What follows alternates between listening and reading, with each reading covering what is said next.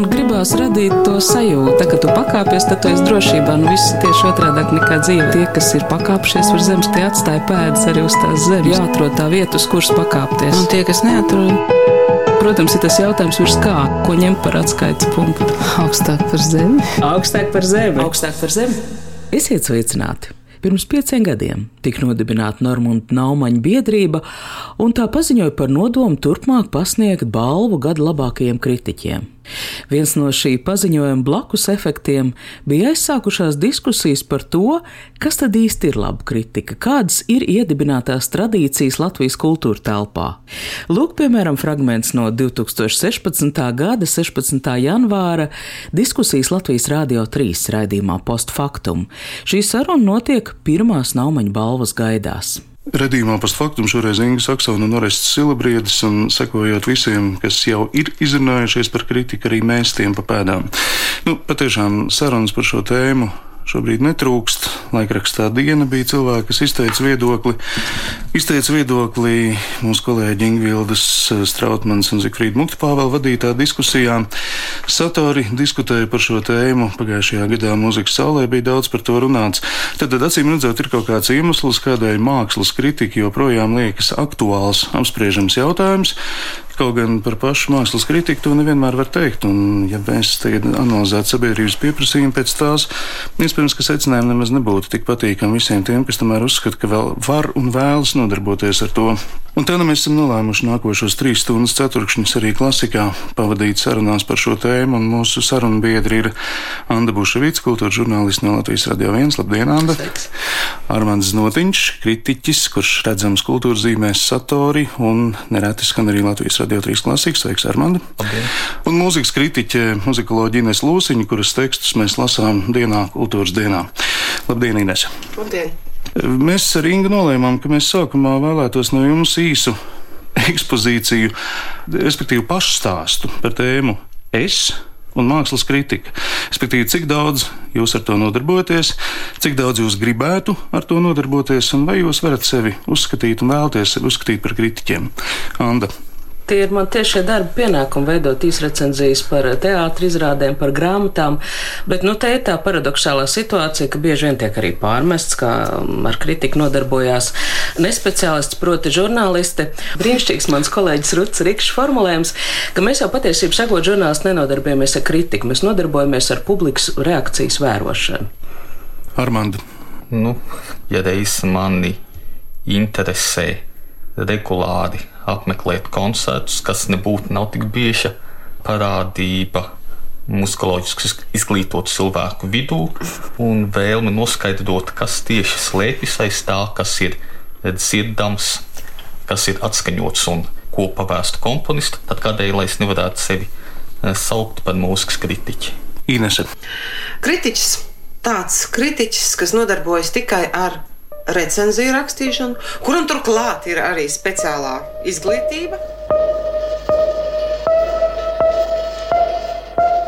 Anna Bušvica, tā esmu es, un raidījuma postfaktum arī šobrīd uzskata par vienu no labākajiem mākslas kritikas paraugiem.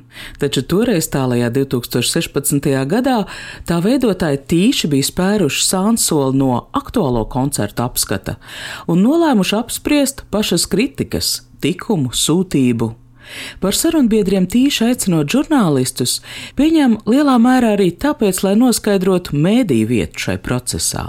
Kritikā arī vēl pirms naumaņa nakts iedibināšanas visos laikos ir bijuši respektēti jomas profesionāļi, kuru viedokli ieklausās, Taču, kā jau Ines Lūsiņš šai sarunā sāk iezīmēt kopainu, šīs autoritātes jau nestrādā medijos.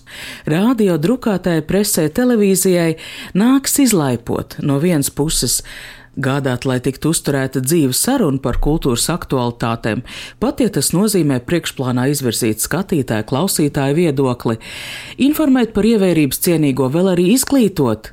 Un šai raidījumā es varbūt ne tik daudz vēlos meklēt atbildi uz jautājumu, kas ir laba kritika, cik piedāvāt ielūkoties dažādu laiku piemēros, kādā veidā sabiedrībā tikusi uzturēta saruna par kultūras notikumiem. Ja fonotēkas meklētājā ierakst vārdu kritika, jūs brīnīsieties, neparādās neviens ieraksts. Latvijas radio žurnālisti, acīm redzot, tīši pieticīgi ir iezīmējuši savu darbu robežas, raidījuma nosaukumos akcents tiek likts uz raidījumu izglītojošo nozīmi. Man bija jāatrod personība, kuras rakstītās recenzijas es pati un arī šobrīd uzskatītu par vērtību. Un tāds man padomā bija. Latvijas Nacionālās bibliotēkas periodikas portālā Periodika LV es savulaik sajūsminājos par mākslinieka, mākslas zinātnieka Ugas Kulmas rakstītajām izstāžu recenzijām. Un arī Latvijas radiofonotēkā atrodams Ugas Kulmas balss ieraksts. Tiesa tikai viens no 1961. gada. Biedris Kulma ir zināms, ka Jānis Rozentāls ļoti agri ir sācis darba gaitas. Jā, mākslinieks piedzima lauku kalēju ģimenē, un tā kā ģimenes materiālie apstākļi bija gaužam trūcīgi, Tad Janis Rozentāls 14 gadu vecumā ieradās Rīgā un sāka pelnīt pats sev maizi. Pēc vairākām neveiksmēm, kā izsūtamam zēnam, modes veikalā, pārdevējam pārtikas preču tirgotavā, kā Pikolo Švarca koncertdārzā, tagadējā viesturdārzā, Rozentāls nokļuva pie daļkrāsotāja. Mācījās zīmēt Rīgas amatniecības skolā, bet 22 gadu vecumā devās uz Pēterburgu un iestājās turienes mākslas akadēmijā kā brīvklausītājs.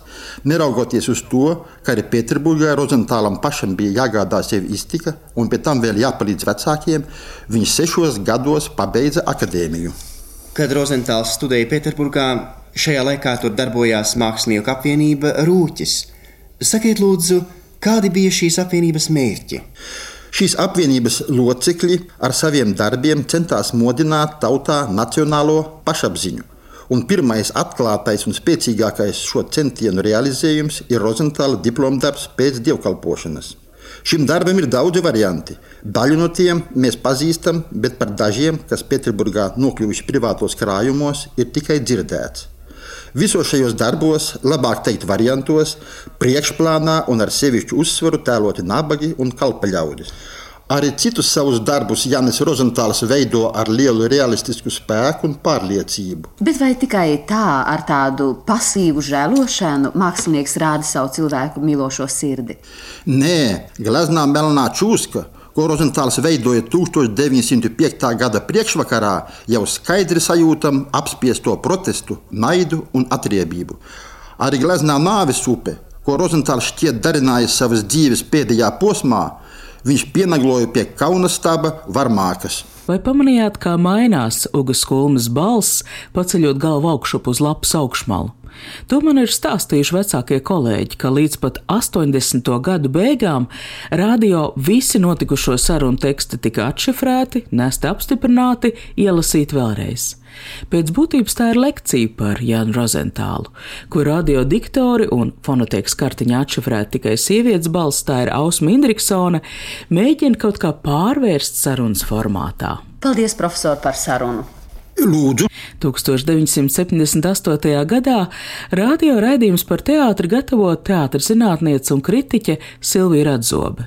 Viņas uzrakstīto tekstu priekšā lasa diktore, nākamajā fragmentā tā būs Dzidra Liepiņa, taču pats teksts ir tieši tikpat sarežģīts, tieši tikpat sarakstīts, pētniecisks, līdzvērtīgs šim šobaldien vēl varam lasīt Latvijas Universitātes literatūras mākslas un folkloras institūta pētnieciskajos izdevumos. Pāla Putniņa daļradas ceļš apliecina mākslinieka redzesloka paplašināšanos. Blakus morāles problēmām Putiņa darbos aizvien lielāku vietu sāk ieņemt sociālie konflikti.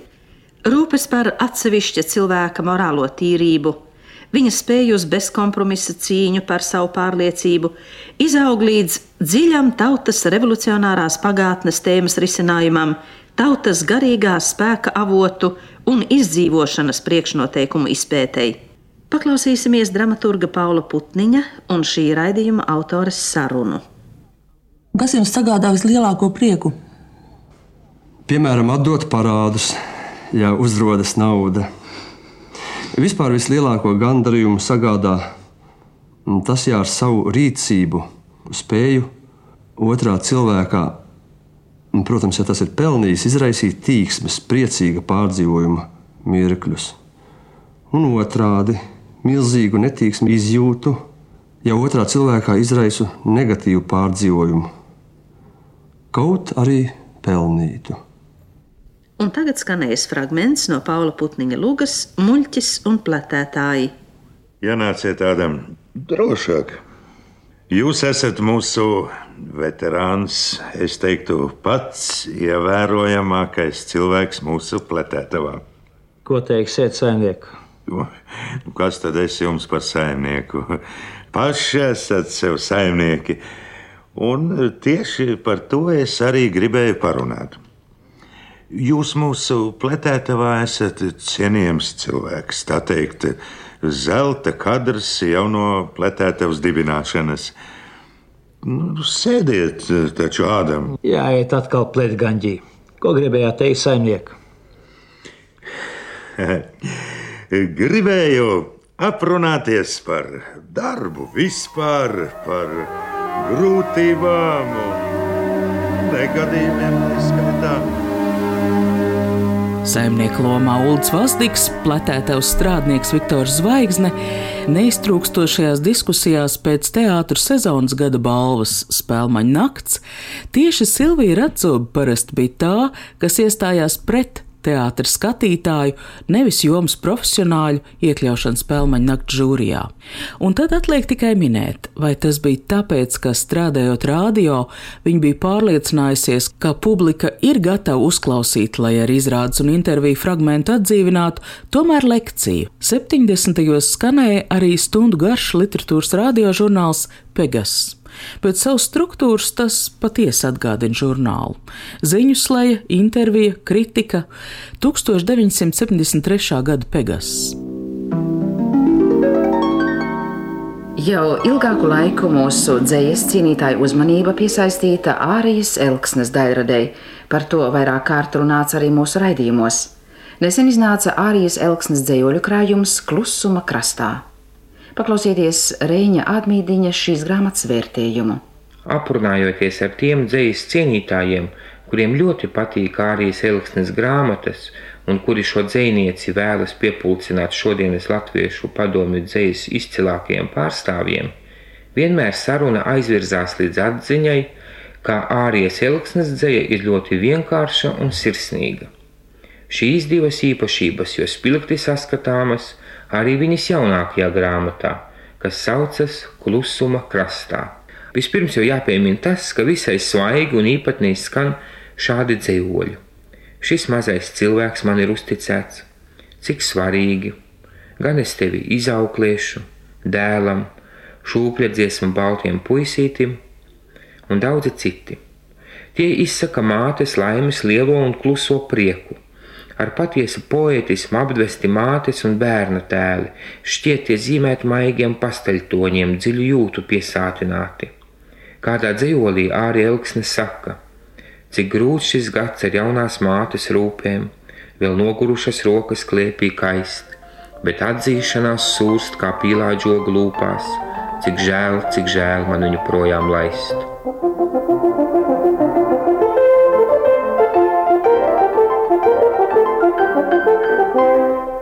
Vai šo gadu pieredze liek jums kaut ko tā vēlēties, kaut ko novēlēt, varbūt saviem kolēģiem, lasītājiem, turpmākajam posmam? Ziniet, es novēlētu vairāk labestības recenzentiem, jo mūsu recenzijas literatūrā ir pārkāpušas kaut kādas robežas. Es esmu ļoti sarūknāta par Annas Kubuliņas recenziju par Montu Kromu un vēl par dažām recenzijām. Recenzijai ir jābūt recenzijai par literatūru, bet nevis psihoanalīzei. Un katrs eh, kritiķis, kas to dara, tas ir jau, ziniet, negodīgi.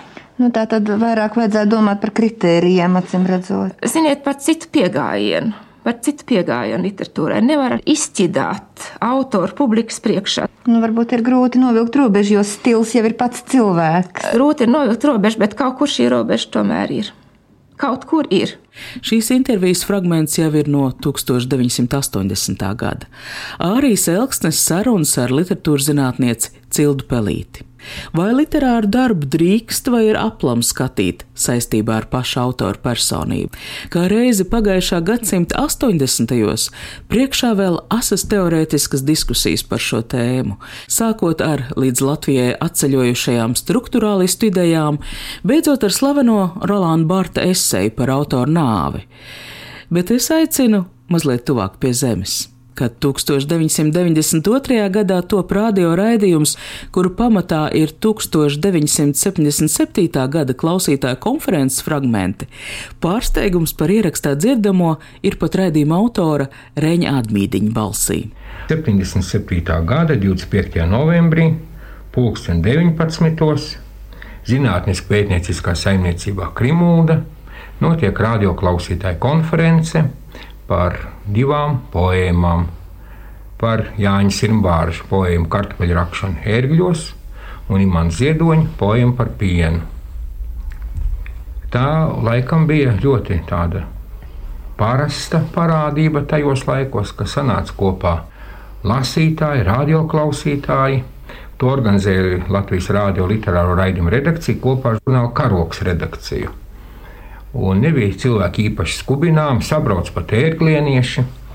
Un te man ir bloknotiņā pierakstīts, ka kopumā runāja 24, jā, 24 runātāji bija. No autors, protams, pašs ieskaitot. Man liekas, ka tagad tāda aktivitāte diez vai būtu tik vienkārši panākama. Un šodien, atceroties to, varbūt nedaudz paklausīsimies šo ierakstu, kas tapis pirms 15 gadiem. Nu, kā tas viss sākās? Sākās pavisam nejauši strādāja izdevniecībā. Un no izdevniecības, tāpat kā no daudzām iestādēm, rudenos sūta darbiniekus uz laukiem, talkās. Tā mūsu ceļš 73. gadā šķiet. Um, tā arī aizveda uz ērgļiem, un kādas desmit dienas parakām tos kartupeļus. Bet tad man radās kaut kur tā ideja, ka par šito lietu vajadzētu uzrakstīt. Mm, bija gan cilvēki interesanti, gan mm, dažādi notikumi. Un tapa Jāņa Sirmbāža kartupeļu rakšana ērgļos.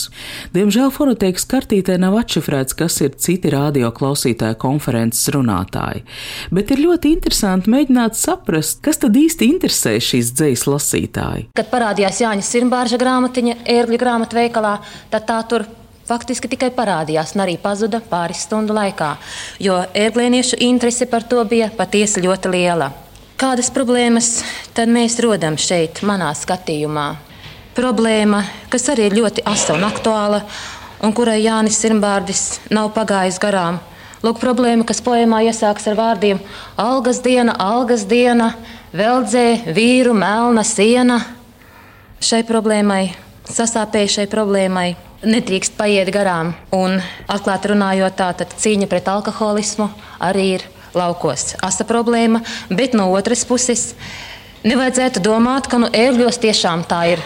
Lai dzinieks neņem ļaunā, bet mēs uzskatām, ka tas ir pārspīlēts. Imants Ziedonis raksta cildinājumu mātei. Un tā pašā reizē man viena tāda rinda lika pēkšņi apstāties un sākt druskuļi domāt. Ir tāds teiciens, pa priekšu māte nāk kā veca abra. Es sāku domāt, kādēļ tad māte ir veca abra? Veca, man tas uzreiz kaut kā liekas tāda nomesta, kaut kur nevajadzīga. Kad es lasīju tālāk, kāda tā sieva rinda ir bijusi, ka nāk pa priekšu māte kā veca abra. Taisni, te man tāda mazliet ja, gribējās piebilst Robertam, ka uztraucās, ka māte kā veca abra. Bet eh, es domāju, ka tas ir ārkārtīgi labi pateikts ar ļoti dziļu domu, jo šeit nedrīkst uzskatīt vecu abru kā malā nomestu krāmu. Atcerieties, draugi, ka veca abra ir ieraugs Tad es atceros, ka, ja kādreiz manai mammai aptrūka tas kunkulītis, kas bija abrā vai ne no kura raudzēja tālāk to maizi, tad viņa teica, nekas no abras ierūks.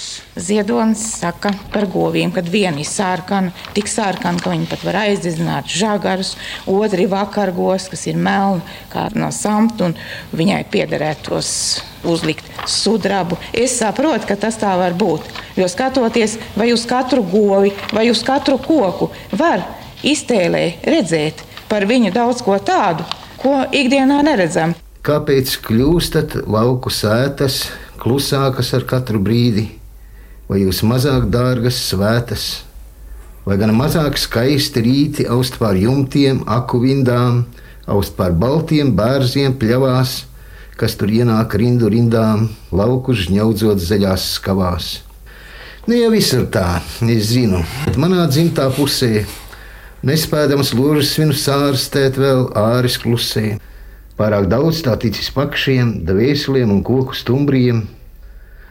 Pļavas aizaug pupulakšiem, pārvēršas par purva dumbriem, noras aizaug kārkliem sīkiem, nepļauti rūs siena vāli, naktīs brieži ragiem līkiem dursta mēnesnīca bālu.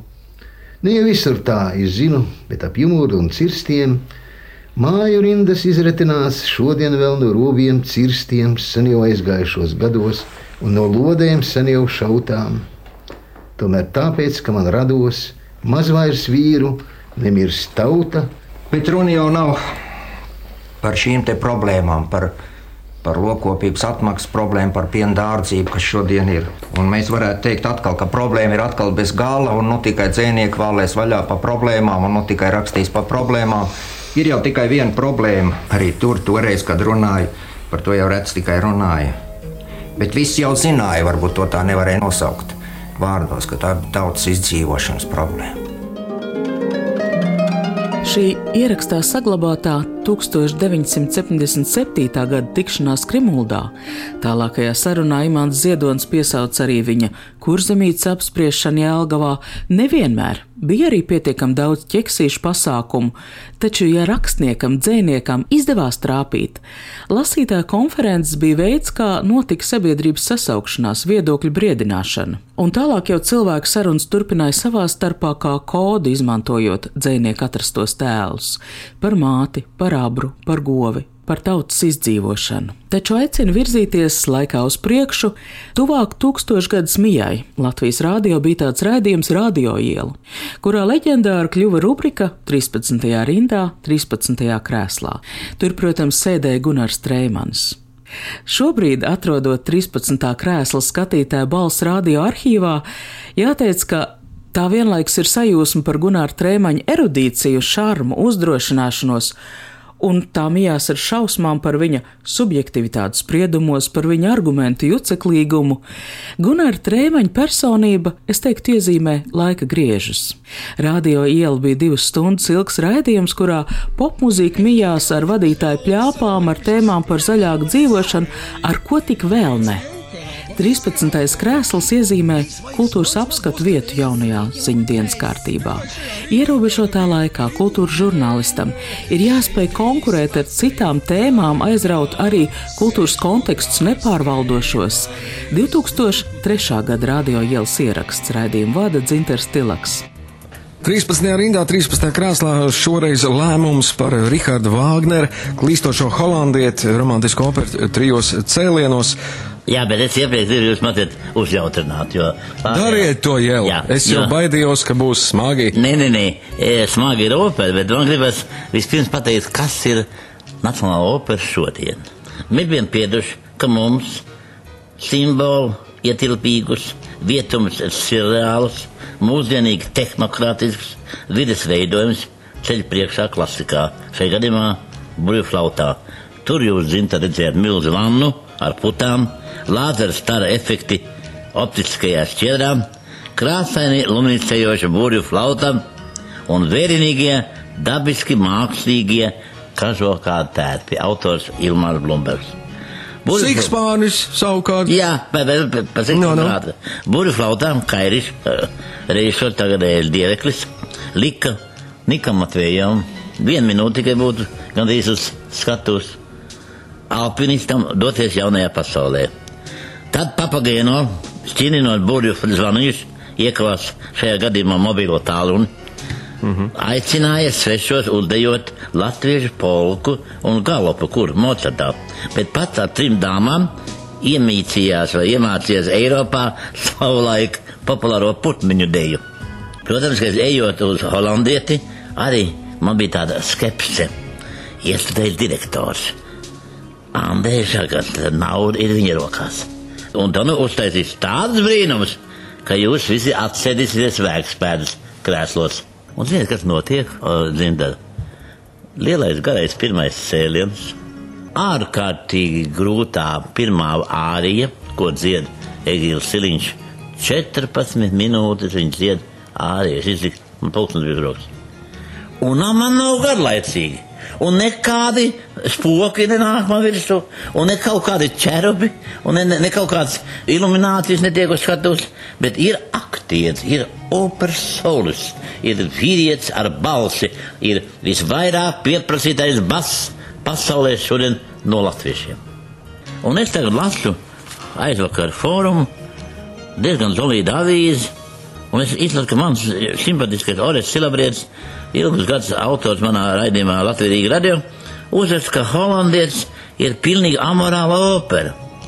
Un šis ir iemesls, kādēļ muzikālais pārdzīvojums iespējams tikai ar labu inscenējumu sapniecību. Vai tā mīļais, jaukais Ores nesaprot, ka romantisms prasa pavisam citādu domāšanu.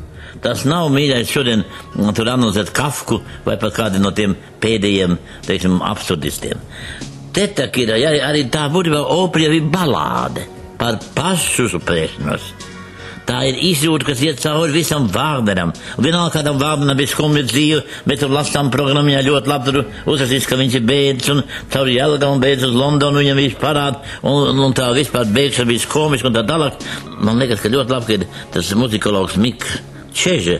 Es viņu nepazīstu, bet tas jauns cilvēks, cik viņi ļoti labi uzbūvēja to Heinricha Heinis poēmu, kurā, nu, tik komiski jau skan tā poēma, un, un ne, ne, nežēl kāds viņa lasīs arī Fons Snābele Kopska kunga memoāri, un tā Snābele Kopska memoāros parādās šis holandietis, nu, tā kā mums saka, piemēram, Dundagā, tā tā kā jumpraus spokojas mm -hmm. pilī, ja?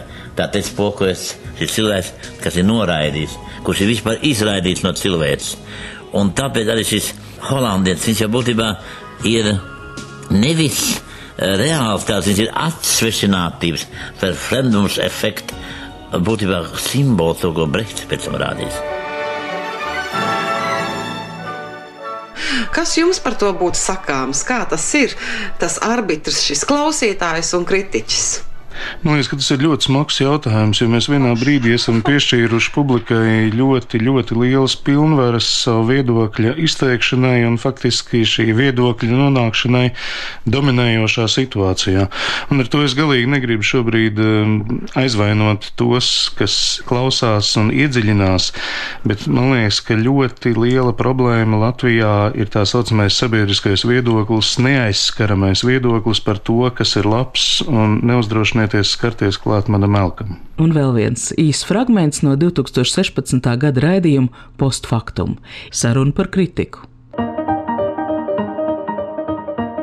Viens īsts jautājums par to, vai jūs jūtat kādu pēctecību vai tradīcijas uh, mūzikas kritikā uh, vai, vai šajā mākslas kritikā? Nu, diemžēl Latvijas gadījumā pat pēctecību nevar runāt.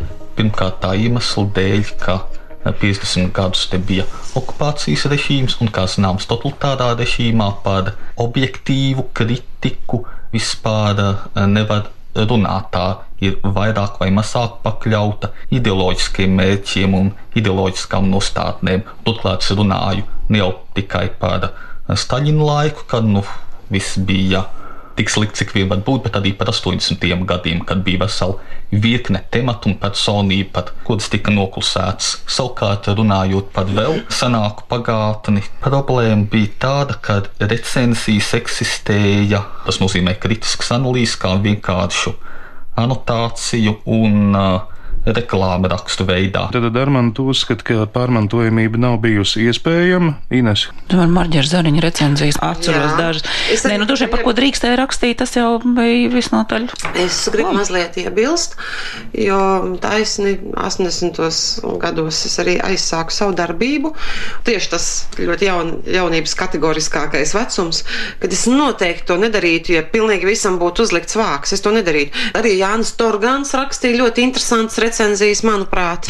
Es domāju, Armand, tu arī tā tagad radīja iespēju, ka nu nekas nav bijis, bet līdz ar to tu aizmirsti visu, ko rakstīja Ligita Vidulē, Guntars Pupa, Ingrīda Zemzara. Man liekas, ka tur ir brīnišķīgi recenzija paraugi. Profesionalitātes kritērija, es domāju, bija daudz precīzāk noteikti nekā mūsdienās.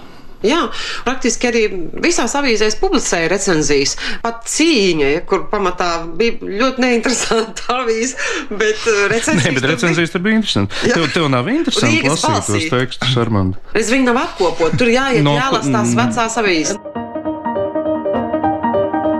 Ar ieteikumu reizēm pārskatīt vecas recenzijas, atcerēties, kā un par ko sarunājās iepriekšējās paudzes. Šodienas redzējumu vēlos beigt. Šis bija ieskats Latvijas Rādio kultūras redzējuma arhīvā. Fragments izvēlējās Anna Buševica, par skaņu gādāja Valdes Raitums. Tā kā tu pakāpies, tad tu esi drošībā. Nu, viss ir tieši otrādi nekā dzīve. Tas ir tā spēle, jā? Tie, kas ir pakāpšies virs zemes, tie atstāja pēdas arī uz tās zemes. Protams, ir tas jautājums, ko ņemt par atskaites punktu. Nē, nu, principā ir skaidrs, augstāk par zemi. Jāatrod tā vieta, uz kuras pakāpties. Augstāk par zemi. Augstāk par zemi. Augstāk par zemi.